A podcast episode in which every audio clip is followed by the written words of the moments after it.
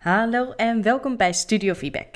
Ik ben Ietske, oprichter van Studio Feedback, een platform over zwangerschap en bevallen na een In deze podcast deel ik mijn eigen ervaringen, mijn kennis als doula, maar ook inspirerende ervaringsverhalen en informatieve expert-interviews met als doel een positieve bijdrage te leveren aan jouw persoonlijke feedback journey. De eerste cursisten van de Studio Feedback zwangerschapscursus zijn inmiddels bevallen en het is echt zo ontzettend leuk om te horen hoe uh, die bevallingen zijn gegaan en wat hun ervaringen zijn en hoe ze erop terugkijken. En ook vooral welke bijdrage de cursus heeft geleverd aan hun ervaring. Dus uh, wil je erbij komen? Kom je bij de club van uh, Studio Feedback, bij de zwangerschapscursus. We zijn één keer per maand, komen we online samen. hebben we wat verdieping over de verschillende onderwerpen die in de cursus behandeld worden is er persoonlijk contact en ruimte om vragen te stellen en, en ervaringen van anderen ook te horen. Het is ontzettend gezellig. We zijn nog een klein clubje, zo rustig aan het opstarten. Dus um, ja, denk je dat het iets voor jou is? Stuur me even een berichtje. Dat kan een mailtje zijn, een appje of een uh, DM. En dan uh, vertel ik je heel graag meer over. Maar nu eerst door naar het ervaringsverhaal van vandaag. Mijn gast van vandaag is Irene. Hartelijk welkom. Hi Itske, superleuk. Dankjewel dat ik hier mag zijn. dat ik met jou mag praten. Nou, heel leuk om jou te spreken. En we hadden het er net voordat de opname begonnen even over. We hebben tijdens je, je, zwangers, je laatste zwangerschap nog even uh, contact gehad. Dus ja, voor mij ook superleuk om, uh, om te horen hoe dat uiteindelijk allemaal is gegaan. En ja, je hebt een hele bijzondere bevalling van je tweede gehad. En daar ga je vandaag over vertellen. Maar wil je beginnen met iets over jezelf te delen? Ja, tuurlijk. Ja, nou, ik ben Irene, ik ben 39 eh, jaar oud. Uh, ik woon met mijn gezin uh, op het platteland in Leerdam. En ik ben fulltime moeder op het moment, nu drie jaar. wegens omstandigheden is het eigenlijk ja, ontstaan omdat ik tijdens de zwangerschap van mijn eerste mijn contract niet werd verlengd. En toen hebben mijn man en ik ook gezegd van mijn man is ondernemer van, goh, er was ook de mogelijkheid om me dus uh, helemaal te kunnen focussen op het, uh, op het moederschap. En uh, ja, dat bevalt eigenlijk gewoon op dit moment zo goed dat ik lekker bij de kindje kan zijn. Ja, fijn. Ja, en ja, we genieten gewoon heel erg van het leven buiten. We komen uit de Randstad. We zijn twee jaar geleden zijn we hier komen wonen.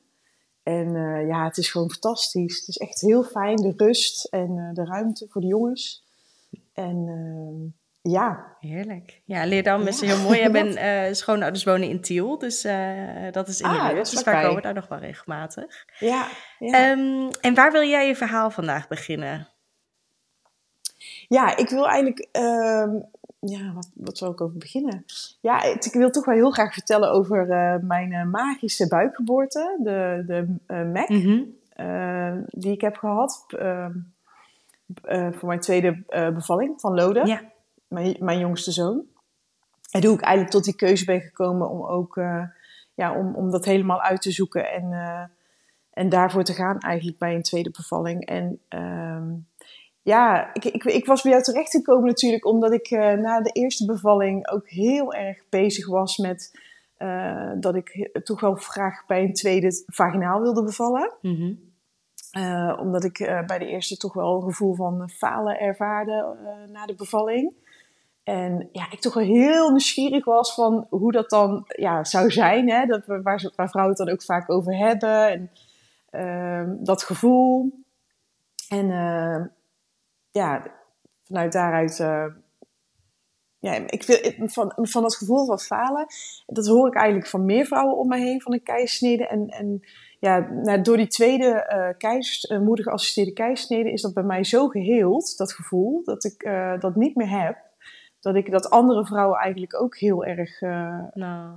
gun, zeg maar. Ja, ik weet niet zo goed hoe ik het uit moet leggen. Ja, ja, wat mooi om te horen. Nou ja, ik denk ook dat het een stukje bewustzijn is. En het is natuurlijk niet iets wat, wat van de een op de andere dag een, uh, een keuze is. En uh, vaak net als de, de zoektocht naar ja, hoe je je voorbereidt op een, een bevalling is, uh, ja. is altijd ja, echt best wel een reis met verschillende afwegingen en, en ja. een stukje verwerking wat vaak nog nodig is. Um, want zou je kort willen vertellen hoe de geboorte van je oudste zoon was, van Arthur? Ja, ja. Nou, ik was uh, heel, heel snel zwanger. Ik, ik zeg ook altijd van zwanger raken, dat is bij mij echt zo gepiept. alleen bevallen is een ander verhaal. Um, ja, de bevalling is eigenlijk wel. Uh, ik was 40 weken en 4 dagen in verwachting. Mm En ik heb me volgens mij bij 43 uh, eh, wel eventjes laten strippen. En het was een hele spannende tijd, want uh, ja, wij zaten eigenlijk. Ja, die eerste lockdown kwam eraan voor de corona. Dus het was allemaal ook best, ik was ook best wel zenuwachtig, omdat ik dacht van ja, hoe zal dat dan straks gaan? En ik wilde eigenlijk heel graag badbevalling. Um, daar had ik me ook op voorbereid met een gesprek met een doula eigenlijk. Um, en uh, nou ja, ik was dus gestript en op een avond lag ik op de, op de bank. En uh, ja, ik had echt het gevoel dat hij ook een beetje angst had voor wat er in de wereld gebeurde. En dat hij misschien daardoor nog wel niet wilde komen. Dus toen uh, ben ik eigenlijk een beetje in een meditatie gegaan en heb ik met hem contact geprobeerd te maken. En um, ja, toen had ik ook nog even een appgesprek met een vriendin van mij. En uh, die zei van ja, ik heb het gevoel dat hij echt uh, even naar um, middeleeuwse muziek wil luisteren of Keltische muziek. dat was echt heel, heel grappig. Ze zei ja, ik heb het idee dat dat is van een vorig leven en dat hem dat moed geeft. En nou, toen heb ik eigenlijk allemaal film van de muziek van Braveheart geluisterd. En ehm, ik ging naar bed. En om zes uur voel ik ineens, uh, ja, ik ga naar het toilet en ik kom terug in bed liggen bij mijn partner. En ik voel ineens een uh, onwijze steek. Dus ik knijp zo in zijn hand. Ik zeg, oh, volgens mij uh, gaat het beginnen. En ja, ik was zo blij, want inderdaad, dat gevoel van die weeën kwam. Hè, want ja, je weet als je de eerste keer zwanger bent, je weet totaal niet wat je moet verwachten. En inderdaad, wat jij net al zei, je bent zo onbewust. En ja, je gaat wel naar een verloskundige en dan krijg je allemaal wel wat dingen te horen. Maar ja, heel veel diepgang zit daar ook eigenlijk niet zo echt in. En om zes uur begonnen dus die weeën. Dus toen dacht ik wel van, oh, hmm, zou dat toch wel gelinkt zijn aan, aan hè, die muziek heeft misschien toch wat uh, moed gegeven. En ik was, wij waren eigenlijk allebei super blij en helemaal uh, euforisch en vol adrenaline van, oh, het gaat beginnen. En ehm, ja, en toen, dat begon om zes uur s ochtends en toen om even kijken, toen kwam de verloskundige al wel, s ochtends. Nou, toen zat ik op 1 centimeter of zo, eigenlijk nog niet. En uh, toen om twee uur s middags, toen um, kwam ze weer langs om het weer te, weer te uh, bekijken. Ook allemaal dingen waar je achteraf van denkt van, oh, dat zou ik een andere keer zo anders doen. Maar goed. Um, en toen bleek dat ik nog steeds op 1 centimeter zat. Alleen de weeën waren gewoon ja, echt extreem uh, heftig. En die kwamen echt om de 2, 3 minuten. En om vier uur middags was dat nog steeds hetzelfde. En toen uh, zei ze tegen mij goh, jij wilde eigenlijk een badbevalling. Alleen ja, het is nu corona. Uh, uh, met de ziekenhuis is lastig. Een badbevalling kan sowieso niet doorgaan. Wat wil je dan? Ik zei, nou, dan wil ik eigenlijk toch wel heel graag naar het ziekenhuis. En dan wil ik een, eh, een, een, eh, epiduraal. Want ik dacht, misschien gaat dat wat helpen, weet je wel. Misschien dat ik daardoor ook iets meer kan ontspannen. Ja, ja je weet het niet, dat, hè, dat hoor je ook wel eens. Nou, die rit in de auto naar het ziekenhuis zal ik ook nooit vergeten. Met die weeën die dan tussendoor uh, kwamen. En uh, ja, in het ziekenhuis uh, dachten mensen van, althans dat werd achteraf gezegd, dat, dat ik er al zo in zo'n heftig staat uitzag van die moet zo meteen gaan bevallen, weet je, wel. Um, nou ja, dus ik werd op, op een bed eigenlijk neergelegd en um, ze braken mijn vliezen en toen zagen ze meconium uh, vruchtwater. Dus het was eigenlijk gewoon wel goed dat we uh, in het ziekenhuis terecht uh, waren gekomen. Want ik denk dat Arthur dus ook al best wel wat stress had ervaren tijdens, die, ehm, tijdens de dag van de weeën. Nou, en ik kreeg, ik kreeg, eigenlijk vrij snel mijn, mijn epiduraal, want het was natuurlijk ook een beetje spooktijd met heel die corona. En uh, ja, dat luchtte wel heel erg op, want die kikte toen in. En uh, dan kreeg ik ook een ijsje op de, om die ruimte waar ze het hadden gegeven. En ik, had meteen allemaal praatjes natuurlijk. En um, ja, toen heb ik gewoon echt op de kamer ook gewoon weer heel erg in mezelf geprobeerd te zijn. Um, ik had weer even wat, ik kon weer even op adem komen. En ze probeerden later ook een elektrode. Ze hadden toen ook destijds geprobeerd om een elektrode uh, bij hem op zijn schedeltje te zetten, maar dat lukte gelukkig niet. Achteraf ben ik erg blij dat dat niet gelukt is. Maar je weet pas achteraf, weet je eigenlijk allemaal, eh, als je een eerste keer bevallen bent, dan ga je je een beetje inlezen en, en hè, nog meer informatie zoeken. Dus Dus was ik wel blij mee dat dat niet, niet gelukt was. Ehm, maar toen kwamen ze dus de kamer weer binnen en ik, was eigenlijk gewoon niet gevorderd. En toen was het volgens mij al uh, ja, zeven uur s'avonds. En toen hebben ze besloten om mij uh, weeopwekkers te geven. En ja, op een gegeven moment was het één uur s'nachts. Dus ik was al een tijdje bezig. En ik, zat, ik bleef maar gewoon op drie centimeter hangen. En uh, om twee uur s'nachts kwamen ze de kamer in en toen hebben ze gezegd van ja, we moeten nu toch het woord uh, keizersnede gaan noemen. En toen zei ik, nou, ik heb een tweelingzus die heeft ook twee uh, bevallingen gehad voor mij. En ook twee keer geen ontsluiting gekregen. Dus ik had al wel zo vermoeden van, misschien is het toch iets wat een beetje, uh, hè, wat bij mij ook zou kunnen gebeuren. Maar ik was eigenlijk wel heel opgelucht. Ik zei, ja, hij heeft nu ook al zo hard gewerkt, dus laten we er maar voor gaan. helemaal oké. En toen werden we eigenlijk uh, heel vrij snel naar de OK gereden en uh, omgekleed.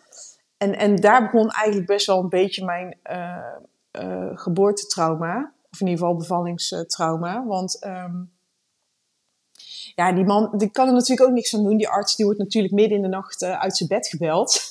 dus dat is voor hem ook vervelend. Maar ja, hij kwam binnen en het was van, nou, heb je nog vragen? Ik zeg, en ik was blij dat mijn zus dus al die eerdere ervaring had van een keizersnede. Die tegen mij had gezegd van als het zover is en het gebeurt, moet je om een doorkijk, doorkijkscherm vragen. Hè? En ik denk wel eens van ja, ik had dat achteraf, als ik geen zus had gehad die geen keizersnede had gehad, bij de verloskundige en zo, vertellen ze helemaal niet eigenlijk wat er, wat er eventueel je opties zijn voor als je een keizersnede uh, krijgt uiteindelijk. Hè? Het verschilt misschien ook per verloskundige, maar althans mijn verloskundige uh, had ik dat dan niet destijds in Rotterdam.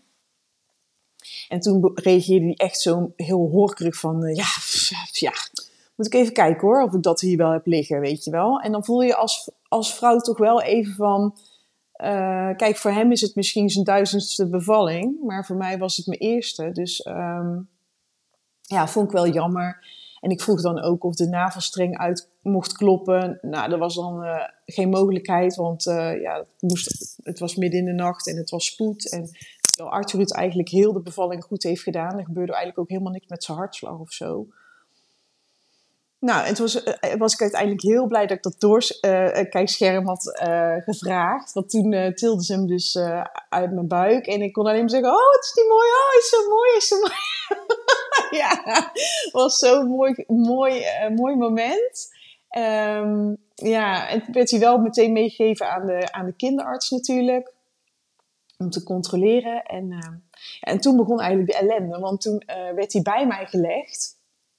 Alleen, ja, omdat ik denk ik zo lang... Sowieso, um, ik weet niet hoe jij dat hebt ervaren na zo'n lange bevalling. En ik en want jij, ja, oh nee, je had natuurlijk niet de eerste een uh, lange bevalling. Nee, dat was gepland. Dus dat zat ja. ik wel inderdaad anders, uh, anders in. Ja. jij was natuurlijk al zo lang bezig. Ja, ja 24 uur sowieso al wel. En mijn kaken, die, die, die klapperden. Ik klapperde zo hard met mijn kaken dat ik ook vroeg van wanneer stopt dit, weet je wel? De, dat gevoel. En, en ze reageerden daar eigenlijk allemaal niet, niet echt op. Dus ik was wel een beetje in paniek. Want ja, ik had echt onwijs. Ik lag te bibberen en mijn kaken gingen helemaal heen en weer. En, en Arthur lag natuurlijk op mijn borst. En uh, op een gegeven moment voelde ik me heel erg onwel worden. Dat ik ook moest overgeven. Maar ja, als je ligt en je moet, het gevoel dat je moet overgeven. Ik dacht, ja, straks, straks stik ik in mijn, over, in mijn braaksel, weet je, uh, ja, weet je wel. Dus, yeah. um, nou, dus uh, mijn partner, ik zei tegen mijn partner je moet Arthur pakken, je moet pakken, want ik, ik, ik, word niet, uh, ik word niet goed. Ik voel me niet goed worden. Dus die zat achter mij, maar die trok lijk, die, ik keek nog heel even naar achter, maar die trok lijkbleek weg. Ik denk, oh, gaat hij nou ook uh, uh, knock-out? Maar dat was dus omdat hij zag mij helemaal vuurrood worden. En uh, ja, hij dacht, oh, straks dan hè, heb ik mijn kind en dan is mijn, mijn partner, valt hij gewoon weg. Ach, dat is ja. een hele nare ervaring. Um, vervolgens heb, heb, heb, ik dus het stuk eigenlijk van de uitslaapkamer tot aan uh, de suite heb ik eigenlijk gewoon helemaal uh, gemist. Uh, dat, dat weet ik ook niet meer. Maar ik had natuurlijk wel tijdens die meeting met die doula bij mijn partner ook aangegeven van wat ik heel belangrijk vind is dat Arthur echt meteen bij mij op de borst komt. En ook die uren daarna gewoon op mijn borst ligt. Dus Arthur heeft wel op mijn borst gelegen, blijkbaar in de uitslaapkamer. En ook in de lift helemaal zo naar boven naar de suite. Ja. En uh, vervolgens dus heeft uh, mijn partner Ivo uh, heeft toen heel lang met hem huid op huid ook gezeten in de ziekenhuiskamer. Totdat ik eigenlijk een beetje bijkwam, s ochtends, om een uurtje of acht. ja, dus dat was wel heel intens. En achteraf ja, we weten eigenlijk nog steeds niet wat dat is geweest.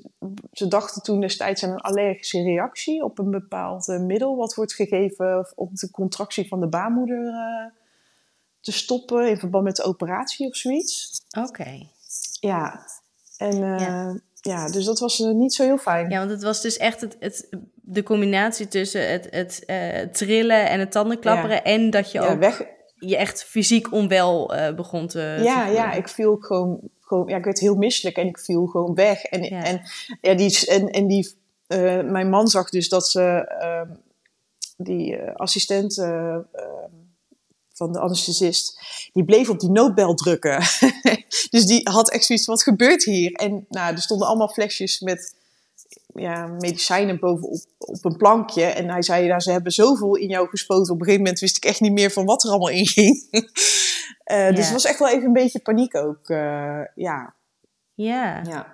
Ja, en dan, dan gaat die adrenaline, waar je, waar je natuurlijk eerst helemaal dacht van... oh, mijn zoontje is er en, en hij doet het goed en alles is helemaal goed. En wat is hij mooi, van een hele hoge high naar echt wel een flinke dip in... Uh, ja, in je gevoelens en, en je hele beleving van zo'n uh, ervaring. Je staat al helemaal open voor dat nieuwe leventje. En dan, dan gebeurt er dit. Dus ik kan me wel echt voorstellen dat dat een flinke impact heeft gemaakt. Ja, dat was wel heel intens. En voor je partner was dit natuurlijk ook best wel een heftige ervaring, gaf je aan. Weet je, hij zag je ook ineens uh, onwel worden. Hoe keek hij terug op de bevalling? Hoe keek hij terug op de bevalling? Um, ja, hij heeft het allemaal wel eens heel positief uh, ervaren. Alleen dat laatste stuk inderdaad wel. Ja, hij was op een gegeven moment ook wel blij voor mij en voor, voor Artje natuurlijk dat het gewoon een keizersnede werd. Um, en hij vond het ook heel mooi. Om, hij had ook echt zijn handen zo op mijn hoofd. Terwijl ik daar lag op die uh, operatietafel. Om toch wel echt met mij in verbinding uh, te zijn. Weet je wel. Dus hij raakte me ook echt aan. Maar hij, ja, hij vond het toch wel heel. Ja, dat moment dat hij, dat hij mij zo uh, weg zag vallen. En zo rood zag worden. Ja, dat heeft hem denk ik ook wel ja, wel wat gedaan, ja. Ja. ja. Nee, dat kan ik me heel goed voorstellen. Ja. En um, nou ja, jullie hebben twee kindjes gekregen. Je zei je, was, je hebt het geluk dat je snel zwaar bent. Dus dat was hopelijk deze keer uh, ook geen probleem. Nee, nee, nee, nee. Dus eigenlijk toen we weer dachten van... Goh, zullen we weer eens gaan proberen... was ik eigenlijk meteen weer uh, in verwachting. Ja, ja, we hebben er wel even wat tijd tussen uh, gelaten. Want ik denk iets van 2,5 jaar of zo. Ja, twee jaar, 2,5 jaar. Ja, zitten tussen Arthur en Loda. Ja. En, maar mijn man, om daarop terug te komen trouwens, die was ook eigenlijk wel... Ik had in het begin heel erg dat gevoel van, oh, ik heb gefaald en ik, ik heb niet op een natuurlijke manier kunnen doen. En uh, hè, dat had ik, zat ik wel heel erg mee. En hij was eigenlijk degene die tegen mij zei, nou Irene, ja... Um, waarom voel je dat zo? Is dat omdat je dat veel op social media ziet? Hè? Dat hele natuurlijke bevallen. En hij zei, want voor mij, ik, ik, ik heb daar ja, eigenlijk geen, niet echt veel verdieping. Uh, of hij, in ieder geval, hij kijkt daar ook niet veel op. Dus hij zegt ook van, ja, voor mij is er, zijn er gewoon twee manieren van bevallen. Vaginaal of keisnede. En dat zijn gewoon allebei voor mij gewoon, is dat een manier om te bevallen. Mm. Dus hij zei, het een is niet slechter dan het andere. Of minder goed dan het ander. Uh, en dat vond ik wel heel fijn dat hij mij daar uh, ook echt wel, uh, ja, moet ik zeggen, een beter gevoel over gaf, zeg maar. Ja. Laat ik het zo zeggen. Ja, ja supermooi. Hij zei, voor mij ben je gewoon hartstikke hard aan het werk geweest. En heb je super hard uh, je best gedaan. En ja, dus uh, ja. Ik, ik, wij zo, ik ben blij dat het bestaat en dat het kan. Ja. Ja. Ja. ja, en gelukkig ging het ook wel uh, nog wel. Ze brachten natuurlijk zelf het onderwerp te sprake, maar het leek wel alsof er nog voldoende ruimte was om vragen te stellen en, en even over te hebben. En helaas was het toen, toen de gynaecoloog er echt bij kwam, de sfeer wel wat omgeslagen. Ja. En zo zie je ook maar weer van hoe echt voor zorgverleners hoe belangrijk die communicatie is voor je ervaring.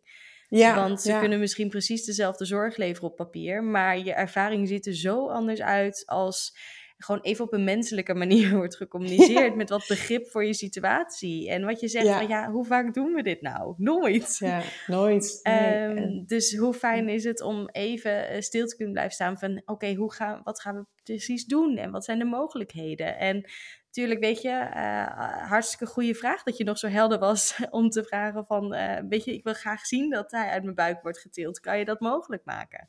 Ja. En dan zo'n horgerige reactie, denk ja, sorry, uh, het is je werk. Ja. Um, en ja, helaas pindakaas, gastje. Ja. ja, dat begrijp ik dan niet zo goed, dat dan zo iemand in de geboortezorg ehm, gaat werken. Ja. Dat is, ik vind het eigenlijk zo'n andere tak van zorg, zeg maar. Ja, dat ik denk van dan moet je toch ook eigenlijk wel heel menselijk uh, ook zijn. Ja. Uh, ja, en aan de andere kant ook, aan de andere kant zijn uh, artsen natuurlijk ook vrij rationeel, hè, omdat ze natuurlijk ook in bepaalde situaties ook hun emoties volgens mij gewoon uit moeten schakelen of zo. Weet ik, ik weet niet precies hoe dat werkt. Ja. maar het is jammer, ja. Ja, ja absoluut. Ja. absoluut. En wanneer begon je een beetje na te denken over de, de bevalling van je tweede kindje? dat was al voor de zwangerschap van okay. nodig. ja, toen kwam dus ook dat boek van Nina Pearson uit, echt net na mijn bevalling. Oh, toen dacht ik, oh, had dit, was dit boek er maar geweest tijdens mijn eerste zwangerschap. Dus uh, ja, dat boek heb ik eigenlijk soort van al wel gewoon meteen gekocht, zonder dat ik überhaupt toen al wist, we wilden altijd wel graag nog een kindje erbij. Maar hè, ik, ik wist nog niet zo goed wanneer dan. Of, hè, het, moet ook gewoon gegund zijn. Dus um, ja, dat heb ik toen wel uh, meteen gekocht. En um, het was toen eigenlijk dat ik uh, op de Instagram van Keizersnede Club terecht kwam. Mm -hmm. En zij had een Q&A met gynaecoloog Koen Durlo gedaan. Ja, en toen zag ik dat. En toen dacht ik, holy moly. Dit bestaat. Bestaat deze man echt? ja, en wat hij doet. Um, uh, ja, ik was daar zo uh, verbaasd over. En, want ik had natuurlijk al wel gezien dat in Australië werd het ook al wel uh, gedaan. Hè? De mother assistant cesarean. Ja. Ik wist gewoon niet dat dat in Nederland kon. En, uh, maar ook hoe hij vertelde over een gentle sex show. Over hoe een keizersnede ook nog kan zijn. Of bij spoed. Dat, hè, dat er toch uh, wat andere mogelijkheden ook zijn. En uh, ja, toen dacht ik, oh nou ja, weet je, als dan toch... Want je hebt natuurlijk ook de keus, als je al eerder een keizersnede hebt gehad... om dan de, voor de, de volgende bevalling ook te kiezen voor een, uh, voor een keizersnede. En um, sowieso was ik ook heel erg bezig wel met uh, dat ik zat bij de eerste zwangerschap bij een vrij grote verloskundige praktijk met mm acht à negen verloskundigen. En uiteindelijk kwam ook tijdens mijn bevalling een verloskundige binnenlopen. Overigens echt een, een, een top, top uh, vrouw. Die is echt altijd aan mijn zijde gebleven. En dus er valt niks over te zeggen. Alleen, ik had haar dus nog nooit ontmoet. Oh, ja. tijdens al mijn uh, ja, afspraken daar. Ja. Uh, dus ik dacht, nee, de tweede keer dan ga ik gewoon bij een hele kleine verloskundige praktijk met twee verloskundigen of, of caseload, weet je wel, zoiets. Ik had me ineens wel echt helemaal uh, verdiept. En uh, nou, mijn man had het huis gezien, dus hier op het platteland. We wonen nog in Rotterdam. En ik zei, ja, dat is goed. Maar ik ging eerst even googlen. Zo stom! Naar het ziekenhuis daar en verloskundige in de buurt. Nou, toen was de nieuwelinge, die uh, zat hier, heeft hier een praktijk. in Gorinchem en Leerdam. En nou, dan was ik meteen al van, oké, okay, dat zit wel goed. En het Beatrix ziekenhuis was natuurlijk net een hele nieuwe geboorteafdeling. Dus ik dacht, nou Um, maar toen later zag ik dus inderdaad die Q&A met Koen Durlo. En toen dacht ik, oh, Diakonesse, oh, Utrecht, oh, is ook 20 minuten rijden, ja. weet je wel?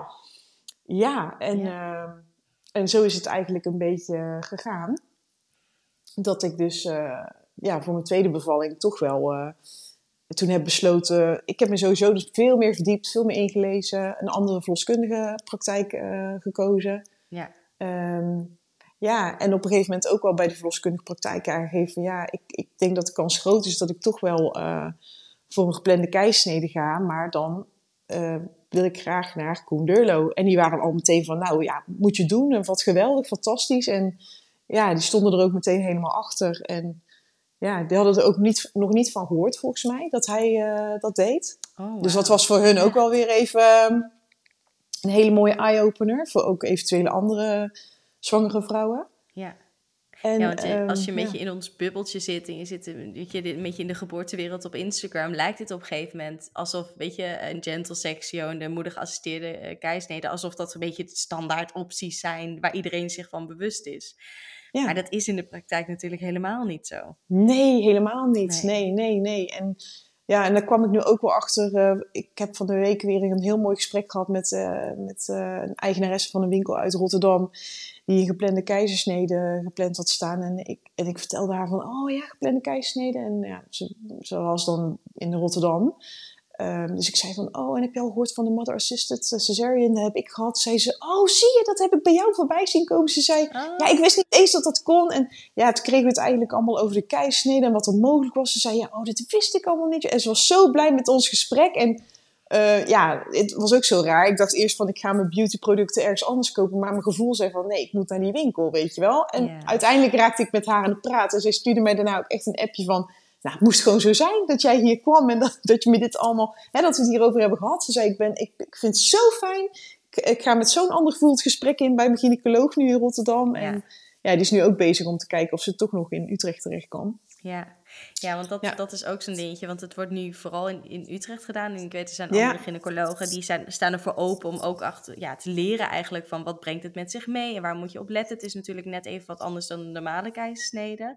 Ja. Maar ook dat dokter Deurlo is ook enorm open om juist collega's uh, uh, het bij te brengen. En uh, te zorgen dat het breder door Nederland mogelijk wordt gemaakt. Ja. Ja, hij is gewoon dus, de pionier. En ik hoop dat, ja, hij heeft natuurlijk nu het Amsterdam uh, ziekenhuis, Amsterdam toch, hè? In, in, in Amsterdam of niet? Of hoe heet ja, dat ziekenhuis? Ja, want die was een grote influencer, Laura Ponticorvo. Ja, ik, volg, ik ah, volgde, ik volgde haar eerst niet. Maar toen zag ik foto's voorbij komen, volgens mij via Koen Durlo, denk ik, op zijn Instagram.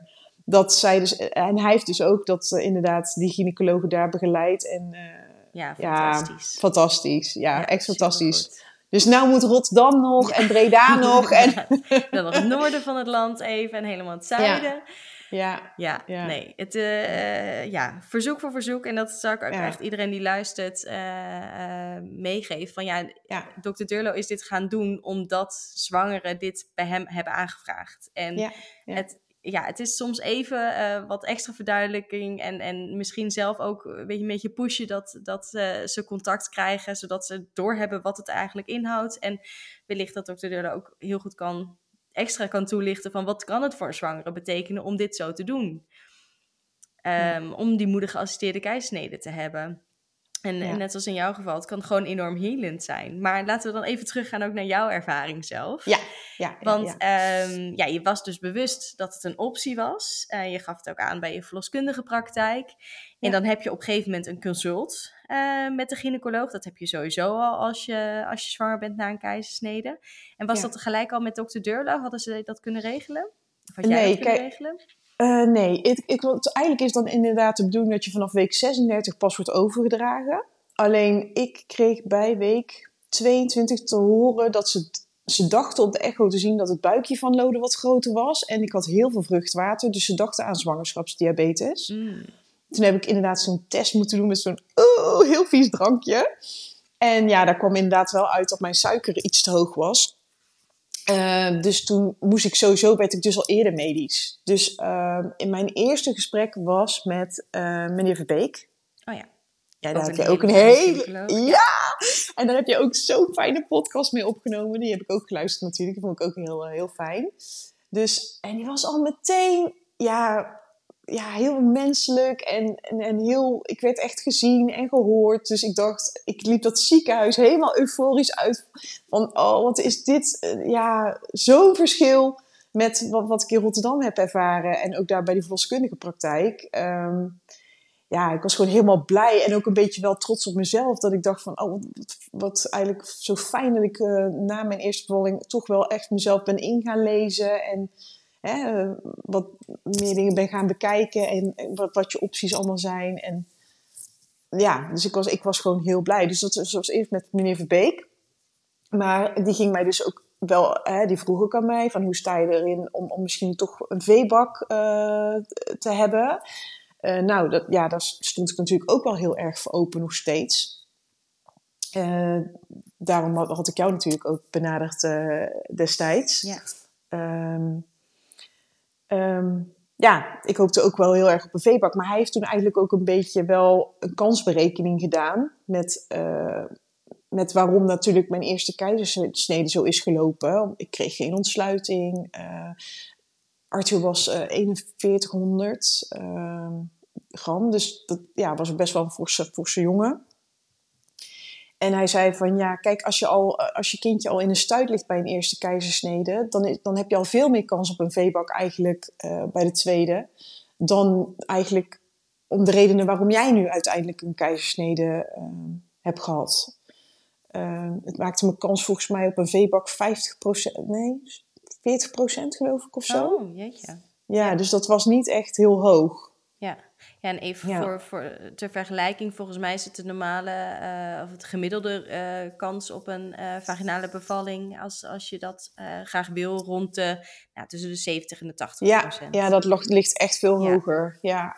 En natuurlijk gezien de ervaring van mijn zus, mijn tweelingzus.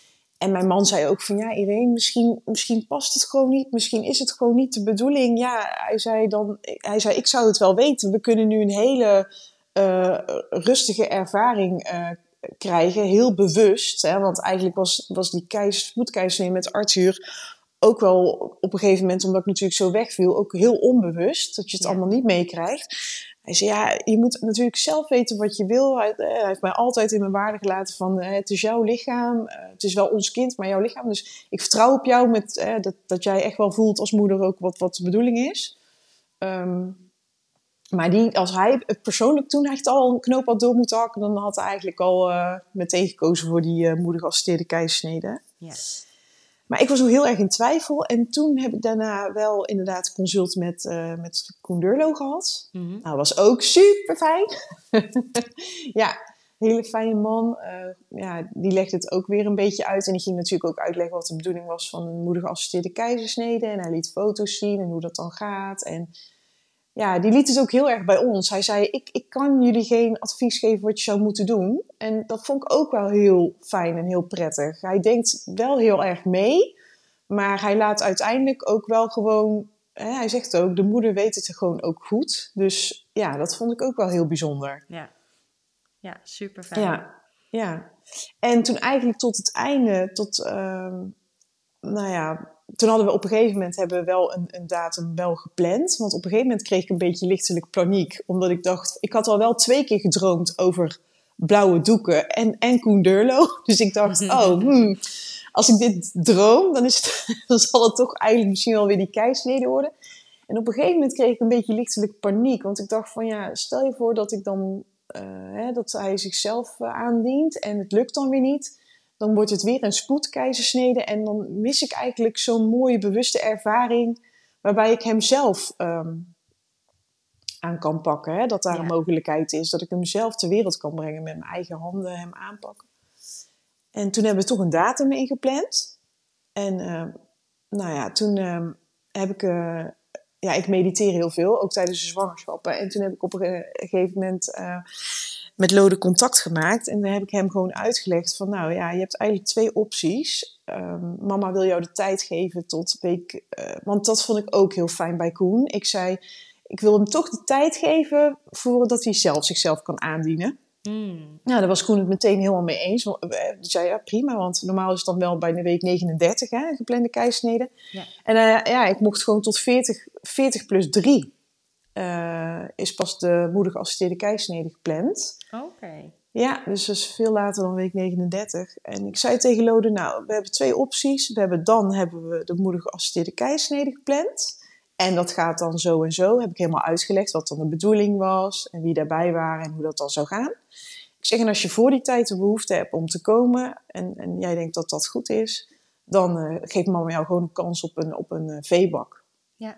En meneer bleef zitten. Dus ja, ik denk dat hij misschien ook wel dan heeft gedacht van... Uh, ja, ik, ik, ik geloof er zelf altijd wel in dat... Uh, ja, dat klinkt voor sommige mensen misschien heel zweverig of vaag, maar ik ben ver van zweverig. Maar um, dat, je, tuurlijk, je doet een bevalling met je partner, maar ik geloof, je doet het ook samen met je kindje. Ja. Dat denk ik echt. En ja. ik denk dat kindjes soms ook wel weten wat de bedoeling is um, qua bevalling. dus, dus ja, dus dat eigenlijk. Dus ik, ik, was eigenlijk ook wel heel blij op de ochtend dat we naar het ziekenhuis reden. nou, hij, hij is er volledig mee eens. Ja. ja Dit gaat hem gewoon worden. Ja. Dit gaat hem gewoon worden. En je was dus ook oké met het scenario dat hey, als de bevalling eerder begint en uh, ja, dan, dan kan het natuurlijk heel goed zijn dat je toch gewoon vaginaal bevalt. Of dat het dan een ongeplande keizersnede was, daar, wordt, dat, daar was jij gewoon oké mee. Want je kan dan niet helaas een, een ongeplande moeder geassisteerde keizersnede. Nee, dat gaat niet. Nee, dat is uh, qua bezetting helaas, uh, helaas niet een optie. Maar nee. dat was voor jou, daar had je vrede mee, dat dat een, een mogelijk scenario zou zijn. Ja, want dan had ik gedacht, oké, dat is dan toch wel dat hij... Hè, zelfs de tijd, ik ben er ook eigenlijk van overtuigd wel dat kindjes hun eigen tijd kiezen om te komen. Dus uh, zowel met conceptie als met bevalling. Dus ik, ik had zoiets van, nou, als hij dan toch beslist om eerder te komen, nou, dan ga ik daar ook volledig in mee. Ja. Ja. ja. Maar ik vond het wel fijn om die moederassisteerde keizersnede toch ingepland te hebben staan. Ja, nee, dat kan ook heel veel rust geven. Ja, dat gaf ook wel rust. Ja, ja. En hoe verliep het verder? Want jullie moeten dan s ochtends vroeg melden, neem ik aan. Ja, dus uh, nou ja, die laatste nachten dan slaap je natuurlijk vrij, uh, vrij slecht. Het was ook echt wel dat ik dacht van ja. En Koen zei ook van ja, met 40 plus 3 ben je, ben je heel mooi voldragen, weet je wel. Dus dat is gewoon perfect. En nou inderdaad, het was wel heel raar. die nacht konden we heel slecht slapen. En de oudste die sliep tussen ons in. En die, die vond het volgens mij ook allemaal heel spannend. En wij moesten natuurlijk vroeg ons bed uit. Want we moesten ons al heel vroeg melden. Om, ik denk dat we om half acht al in het ziekenhuis moesten zijn. Ja. Dus uh, eigenlijk om zes uur eh, stonden we eigenlijk allemaal al naast ons bed. En, uh, en Arthur ook. En Arthur is normaal heel erg van het uitslapen. Dus die vond het volgens mij ook allemaal heel spannend. En mijn moeder was hier om, om Arthur, bij Arthur te blijven natuurlijk. Ja, dat is dan toch heel gek. Dat je in de auto zit en dat je gewoon weet van nou, over een paar uur dan, dan is onze zoon er gewoon. Ik vond het toch wel heel raar. Ja, ja, ja. Een hele bizarre realisatie dan. Ja, ja. Heel bijzonder. Ja, maar we liepen het ziekenhuis in en het was een hele warme dag uh, in juni natuurlijk. En ja, het voelde eigenlijk meteen al wel heel goed, dat ziekenhuis. Ook toen ik daar de eerste keren kwam om, om, hè, voor de consulten met de gynaecologen. En uh, ja, toen weet ik wel dat we op de... Uh, je hebt natuurlijk dat stuk waar je dan uh, ligt om te wachten. Dat is volgens mij gewoon de wachtkamer voordat je naar de operatiekamer kan. ja, wat ik het meest vervelende eigenlijk dan vond aan, aan de moedergeassisteerde keizersnede... Ik heb verder echt helemaal ik heb het als heel fijn ervaren. Uh, maar dat is gewoon iets heel persoonlijks. Dat hoeft niet voor iedereen zo te zijn. Maar dat, uh, van tevoren wordt er een uh, blaaskatheter natuurlijk gezet.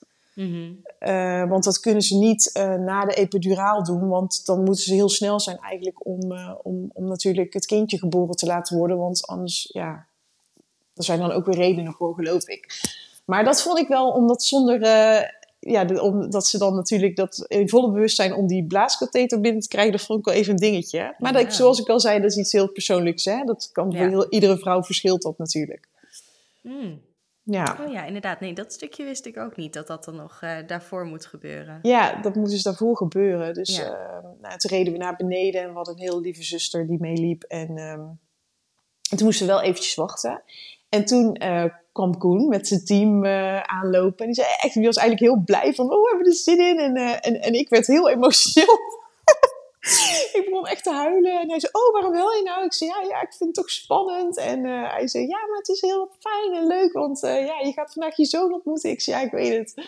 Ja, dus um, en ja, toen waren we eigenlijk in de OK. En dat was een hele mooie ruimte, want het was gewoon natuurlijk overdag. Dus de ramen waren gewoon, het, het licht kwam binnen.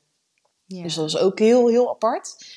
En uh, nou ja, ik werd natuurlijk op dat bed uh, gelegd. En er waren twee anesthesisten ook om mij goed in de gaten te houden, omdat ze wisten van mijn uh, vorige ervaring. Hm, Daar hadden ze ook over gebeld met Rotterdam. Van, goh, wat, wat denken jullie dat er toen destijds gebeurd is? Dus ze hebben dat echt heel erg in de gaten gehouden. Dat vond ik heel fijn. Um, nou ja, en de epiduraal werd gezet.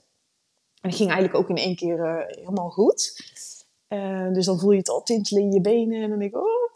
Dus um, nou, dat doek hangt dan nog omhoog. En wat ik heel fijn vond, en dat heb ik achteraf ook tegen Koen gezegd, was, ik had mijn handen lagen natuurlijk, oh ja, dat ging natuurlijk ook heel vlot, want uh, er worden dan handschoenen aangetrokken en een schort.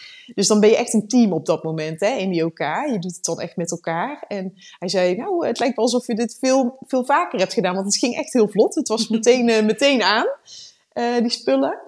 En mijn handen lagen natuurlijk een beetje bij mijn buik alvast klaar om Lode aan te kunnen pakken. En hij kneep in mijn hand achter dat scherm. En dat voelde op dat moment zo, ja, op dat moment voelde ik echt zo de rust in mijn lichaam zakken. Want ja, het was een soort van, ja, ik vond het heel, uh, ja, wat voor woord kan ik me voor? Het was heel, heel lief, uh, gewoon zo van echt geruststellend. Ja. Uh, ja, ik vond het wel echt heel menselijk, heel fijn. Even dat contactmoment zo, weet je wel, van ja. uh, het komt goed. ja, fijn. Ja. Wat mooi zeg. Ja, en toen werd gezegd van, ja, dat doe ik maar zakken. Ja, en, dan, en toen zag ik die haartjes al en... En, en oh ja, ik, ik begon eigenlijk ook te huilen van emotie. En uh, ja, hè, dan helpt het je zo heel fijn dat je je handen uh, onder de schoudertjes mag doen. En vervolgens zetten dan de gynaecologen echt heel respectvol een, een, stap naar achter. Handen op hun, buik, weet je wel. Ze nemen dan echt afstand. Zo van ja, de moeder gaat het dan gewoon doen. Hè? Je, ja. Natuurlijk, ze zijn erbij om, om, je, om je te helpen als het, als het niet goed gaat. Maar dat vind ik ook zo mooi. Dat ze dat, dat, dat respect geven van, hè, dat ze even zo die, en, en de stilte. En toen zei een van die anesthesisten meteen, oh, hij is nu al knap, hij is nu al knap. Weet je wel, dat was ook zo grappig. Ah. Ja, dat was heel lief ook. Ja, en um, ja, ik tilde hem op en, en, en Koen zei ook echt tegen mij van, rustig, rustig, goed kijken, goed in je opnemen, weet je wel. Zodat je dat heel bewust uh, doet. En ook niet te snel zo hup uit je buik tillen. En hij begon ook meteen zo te huilen. En ja, toen legde ik hem zo op mijn borst. Ja, je zit natuurlijk wel met dat schort aan, maar dat wordt al vrij snel dan ook weer van je afgehaald. En dan hup weer terug op je blote borst. Maar dat hoofdje dat van Lode lag meteen ja, eigenlijk tegen mijn gezicht aan. Dus ik, ik ja, ik, ik, rook ook gewoon, weet je wel, zijn geur. En dat ruikt natuurlijk hartstikke lekker als baby's net geboren zijn. en ja, ik kon meteen in zijn oortje praten. En ja, dat was sowieso een mooie ervaring. Dat was zo speciaal. En ja, dat was, het, het, was gewoon net alsof ik natuurlijk was bevallen. Alsof ik hem zo. Maar dan heb ik hem uit mijn buik getrokken in plaats van vanuit een ander uh, kanaal, weet je wel. Ja, ja. Het, het, het, was heel natuurlijk. Dus ja, ondanks dan wel in een OK en, en met mensen om je heen. Maar ja, dat was, dit was ja, echt heel magisch. Ja. Ja, dat klinkt echt, echt fantastisch. Wat een mooie ervaring. Ja. Ja, en dat ging allemaal ook gelijk goed met, uh, met Loden? Ja, die had dus APGAR score 10. Dus dat was ja, heel erg perfect. Ja, en hij ging dus heel eventjes van mijn borst af met de kinderarts mee. En, maar dat was ook allemaal naast me in mijn zicht. Uh, mijn partner erbij. En uh, nou ja, op een gegeven moment uh, je dan ook na vijf minuten werd hij al heel snel. Dan trok ze bij mij snel mijn schort uit, mijn handschoenen uit. En hij werd meteen op mijn blote borst gelegd. En ja, ze begonnen mij dus ook, ook dicht te maken. En dat vond ik ook fijn. Toen was dus die anesthesist die de hele tijd zei...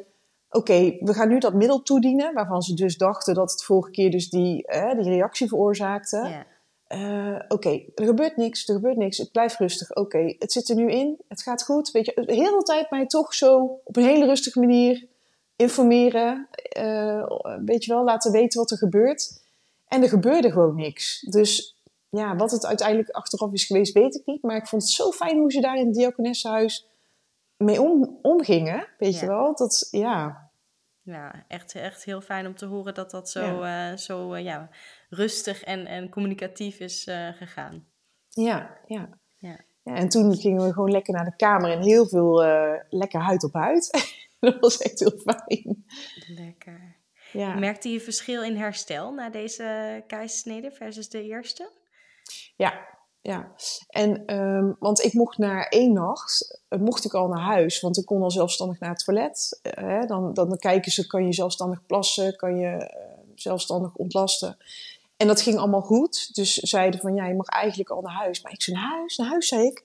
Hè? Maar ik voelde eigenlijk nog onwijs, ja, het leek wel toch wel heftiger pijn dan de, dan de eerste spoedkeissnede. Maar misschien komt dat ook omdat ik natuurlijk dan um, nog meer, misschien iets meer adrenaline had van de eerste bevalling. Mm. Omdat dat zelf op gang was, snap je? Dat, dat, ja. dat was zelfstandig, dat denk ik. Dat ik daardoor nog meer adrenaline had en dus minder pijn voelde.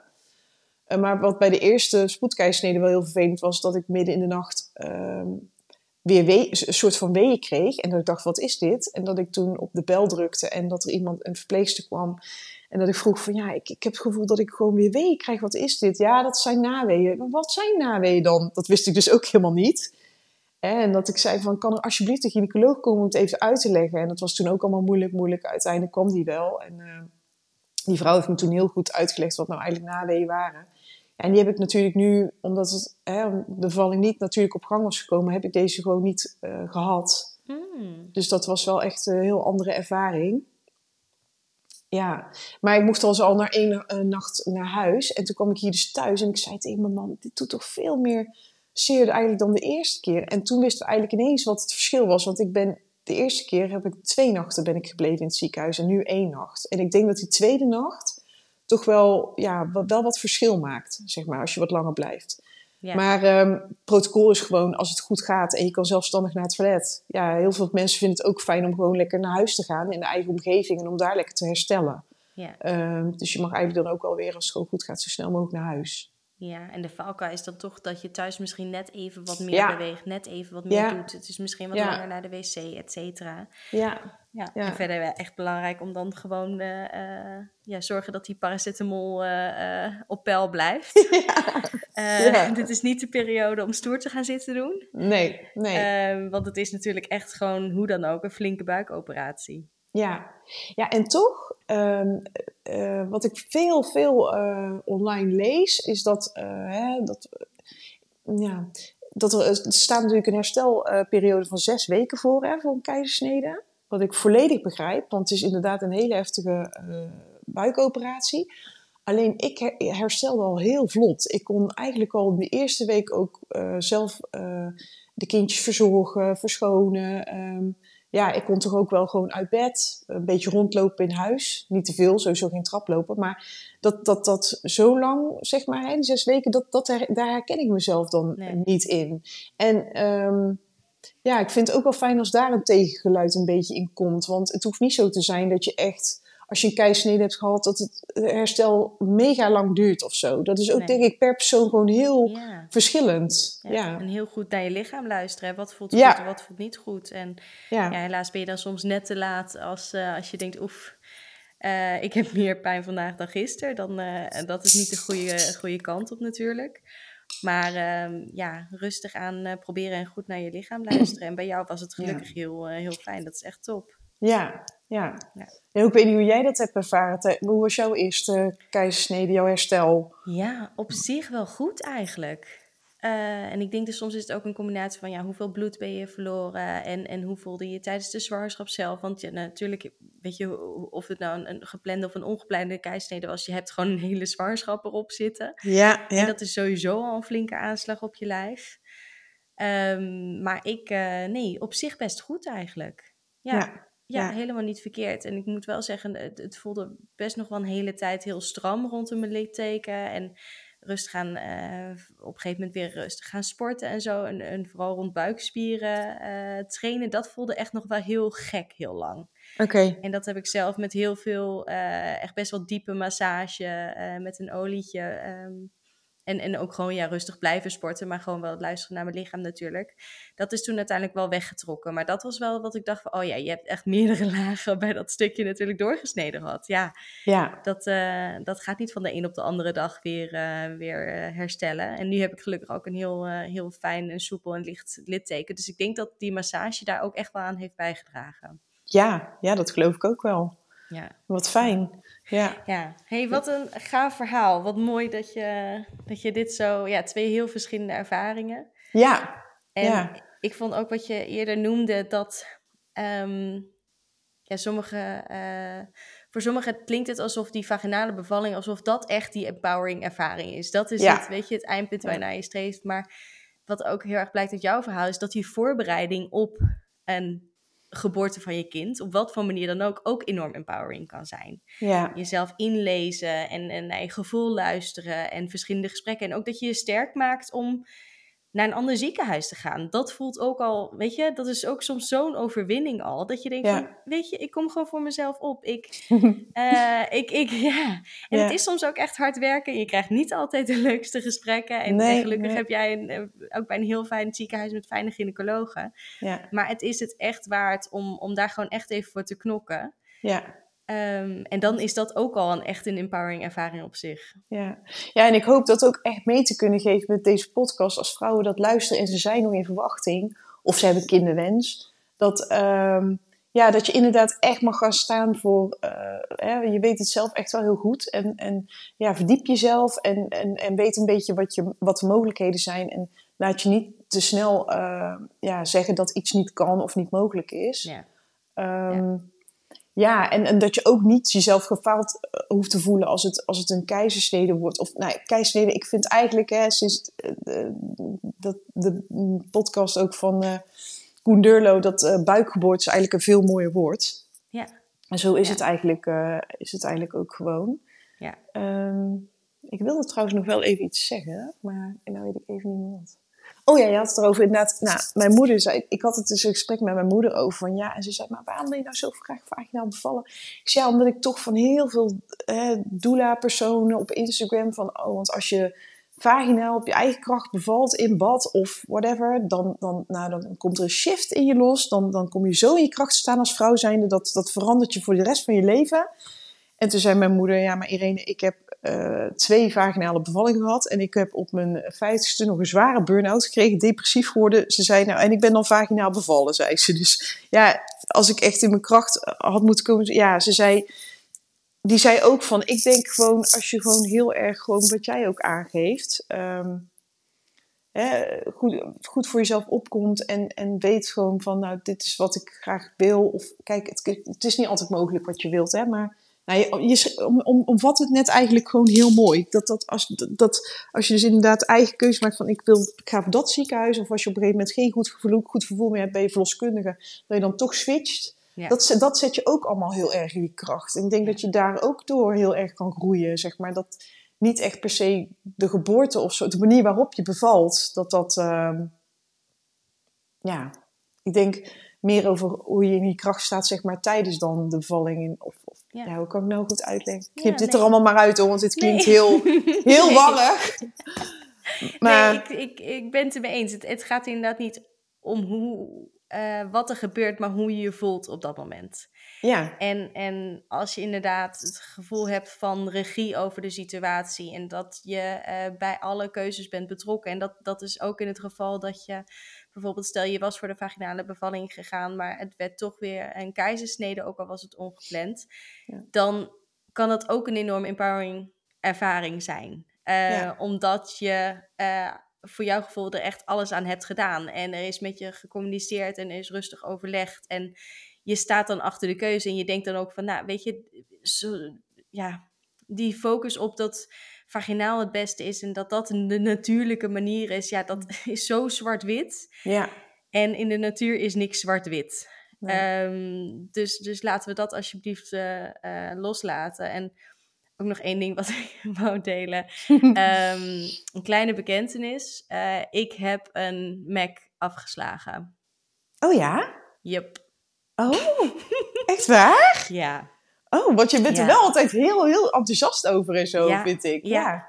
En, en dat, is, dat zegt ook maar van hoe je jezelf kan uh, groeien als persoon. En hoe je blik op dingen kan veranderen. En uh, je kennis van dingen kan veranderen. En nee, dit was bij, de, uh, bij mijn oudste, tijdens mijn eerste zwangerschap. En toen nou, hadden we eerst wat complicaties. Nou, dat hele verhaal deel ik in, in, die andere pod in mijn andere podcast, De Verwachting, als iemand dat allemaal wil horen. Ja.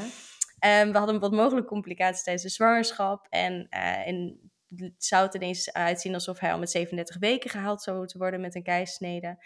Nou, dat bleek allemaal niet het geval gelukkig, maar toen lag hij wel stuit. En toen was ik best wel geschrokken natuurlijk. En je bent mhm. hartstikke hormonaal en het is je eerste kindje, je hebt geen idee. En ik zat toen natuurlijk totaal nog niet zo in deze geboortewereld uh, zoals nu.